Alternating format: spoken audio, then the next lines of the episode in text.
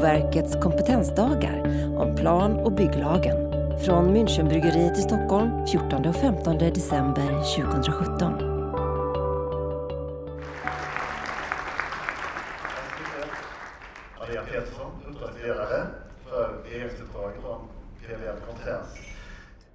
Maria Pettersson heter jag och jag är eh, normalt verksamhetssamordnare på Boverket och är arkitekt och nu så leder jag, är jag uppdragsledare för Boverkets PBL-kompetens under fyra år.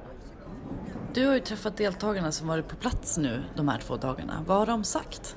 Det känns som det har varit en otrolig energikick faktiskt för eh, många som var här. I början igår så pratade jag med någon som sa ja, och de och de behöver lära sig det och det och de fattar inte och vi, de gör det så svårt för oss och mycket fokus på sin egen. Men jag känner att hela dagarna har ju handlat om det här med att man, vi måste samverka för att få ett bra samhälle och vi har olika roller och samma spelplan och jag känner att det är faktiskt mycket mer, det verkar ha gått fram. Så flera som jag har pratat med nu eh, från eftermiddagen igår och framåt är just att man har varit med på någonting, någon av våra grejer och vill ha mer, mer, mer, mer. Och sen också att eh, man säger, ja men åh, nästa år får jag tipsa, bjud in dem också och dem också. Och så var det inte i början.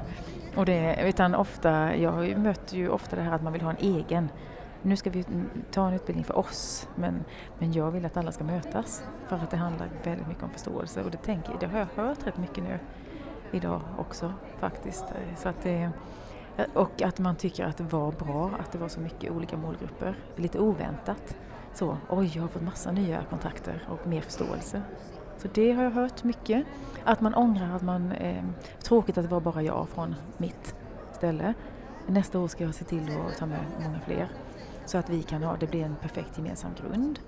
Du höll i det avslutande föredraget på scen som knöt ihop hela säcken och då hade du med dig ett gäng människor. Kan du inte berätta lite vilka de är och vad de gör? Ja, eh, detta är ju ganska nytt så att jag, har varit, jag är uppdragsledare och blev tillsatt för fyra månader sedan. Så, innan dess så var det bara en utbildningsansvarig, Viveka då, så hon har ju dragit igång massor med saker det här första året för att det är ju särskilda medel och vi måste göra grejer alla de här fyra åren. Och det som vi, Veckans ansvar särskilt då, hon har ju plockat alla lågt hängande frukter och dragit igång mängder med utbildningar och, och sen nu så strukturerar vi oss mer och mer och bygger på kansliet. Som, som du såg så var det nio personer på scen och så var det två som saknades. Så att dels så har vi inom Boverket eh, knutit till oss personer så att vi ska ha en helhet och en, en mix av olika personligheter, ansvar och kompetenser. Så Hans Gustafsson som har varit moderator de här dagarna, han är vår kommunikationsansvarige. Och nu märkte jag ju också vilken fantastisk moderator han är, så att det är jättebra. Vi är så olika alla. Och Viveka är ju en pådrivare. Eh, och där kan det ju krocka med Boverkets vanliga verksamhet för vi kommer ju tvärs över. Det är ett antal enheter som är liksom i linjen och det här uppdraget går tvärs över alltihopa och vi behöver, vi ska sprida deras budskap om man säger. Men eh, så vi har tagit med folk från olika delar av Boverket som är berörda och eh, sen har vi också i kansliet nu um, tagit med folk från målgrupperna som har bra koll på vad det är som redan finns och vad som behövs. Så både Björn från Länsstyrelsen och eh, Jonas, juristen från Länsstyrelsen och Johan från SKL är ju just ur målgrupperna och de arbetar 40 procent åt oss nu. Eh, så så är kansliet sammansatt och det tror jag kommer att växa också, att vi tar med mer och mer människor. För att fler och fler ska liksom känna ansvar i det. Så har vi olika, vi har kanslimöten en gång i månaden och där sätter vi agendan. Så det är ju vi som reellt bestämmer vad vi ska göra. Mm, vi lyssnar väldigt mycket utåt i alla våra olika kanaler. Så. Och nästa år i regeringsuppdraget, vad händer då? Ja, då är det ju fortsättning på mycket grejer som är igång redan. Vi har ju dragit, Livika har dragit igång pilotutbildningar som verkar vara, hörde jag här mycket, att det var väldigt uppskattat. Och det här ska ju bli webbdigitaliserat. Det är ju uppdraget att eh, skapa en, ett brett utbud av precis de digitaliserade utbildningar som behövs för människor som jobbar i branschen.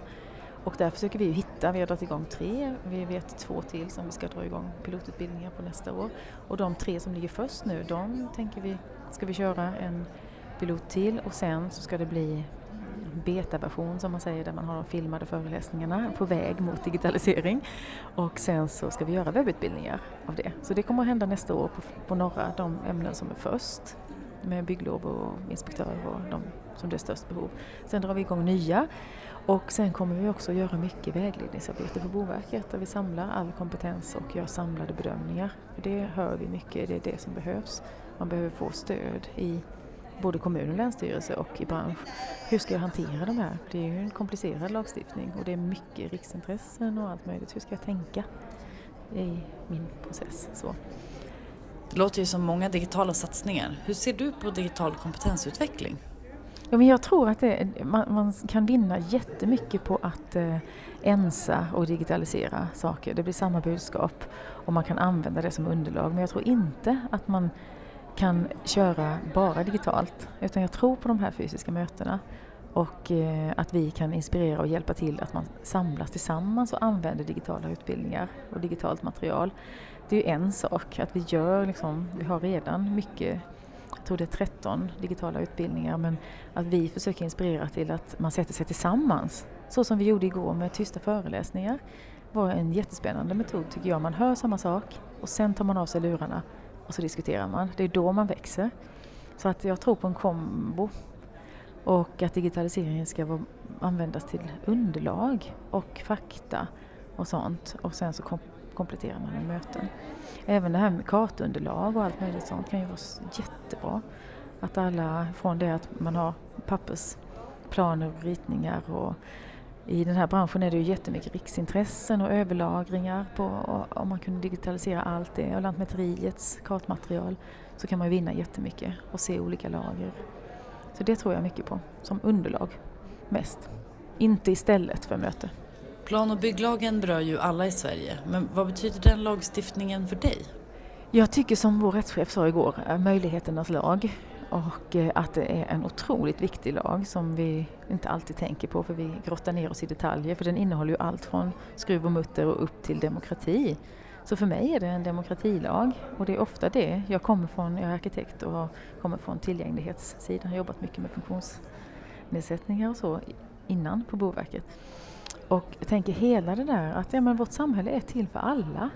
Lägg av och bygg en massa skit som inte funkar och där man måste vara 20 år och eh, fräsch och pigg och för att klara av och delta. Utan eh, ett, eh, ett, ett demokratiskt samhälle som för mig är det, det just att liksom meningen med lagen och i portalparagrafen där det står att vi, vi ska bygga ett samhälle som funkar för alla i dagens generation och för, för vår framtid. Där innefattas ju allt med det här med resurshushållning, se till att våra barn också har ett bra samhälle. Dels att vi bygger rätt och gör smarta eh, val nu och att vi tänker framåt. Att vi ska som det här med nollenergi och inte använda resurser i onödan, återbruk. Allt det där finns ju liksom i, i den lagen. Så det är demokrati för mig. Man klagar ofta på att det är långa, långa tider. Ja, men demokrati kostar tid. Och vad skulle du vilja åstadkomma fram till 2020 när det gäller just byggandet av bostäder? Då tänker jag att vi ska bygga så att människor har råd att bo.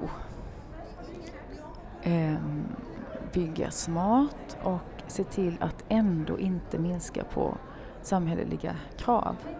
För ofta är det så att vi blev satt, vi satta att ja, nu måste ni ändra i byggreglerna, det är för höga krav för det kostar. Men jag tänker inte att det är problemet utan och det säger ju många också tycker jag har hört här att bara man kommer tidigt med krav så är det helt okej.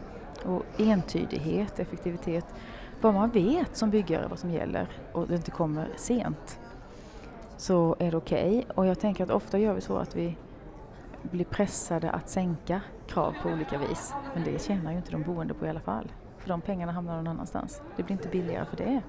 Men däremot så att vi liksom ändå lyckas pressa ner så att det blir även de som har minst pengar kan bo bra och att det är säkert och hälsosamt och det är det vi jobbar för i byggreglerna och det är det lagen stadgar. Att även den som inte har pengar ska kunna bo säkert. Liksom. Och det ska vara tillgängligt och det ska funka. Så att hitta metoder där och att priserna kostnaderna för den som bor ska eh, vi ska bygga på ett sånt vis och förvalta på ett sånt vis så att det är möjligt. Liksom. att det inte är en handelsvara där man tjänar pengar utan bostaden är en mänsklig rättighet. Och eh, dit vill jag nog gärna till 2020.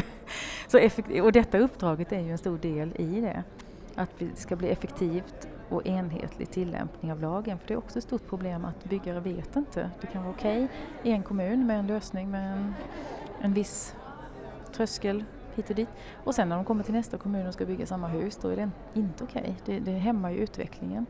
Så mycket handlar om det också, att även om den kommunala friheten är total så ska man liksom försöka ensa och se till att man tolkar någorlunda lika så att det blir eh, möjligt att bygga smartare. Så att vissa grejer kan man veta att det här funkar i Sverige. Allting behöver inte ifrågasättas varje gång. Liksom. Så effektivt och enhetligt så att det kan bli överkomligare och att alla har råd att bo bra. Det räcker om det är färdigt 2020 tycker jag. Tack. Du har lyssnat på en podcast från Boverkets kompetensdagar om plan och bygglagen. Producerat av produktionsbolaget Munk.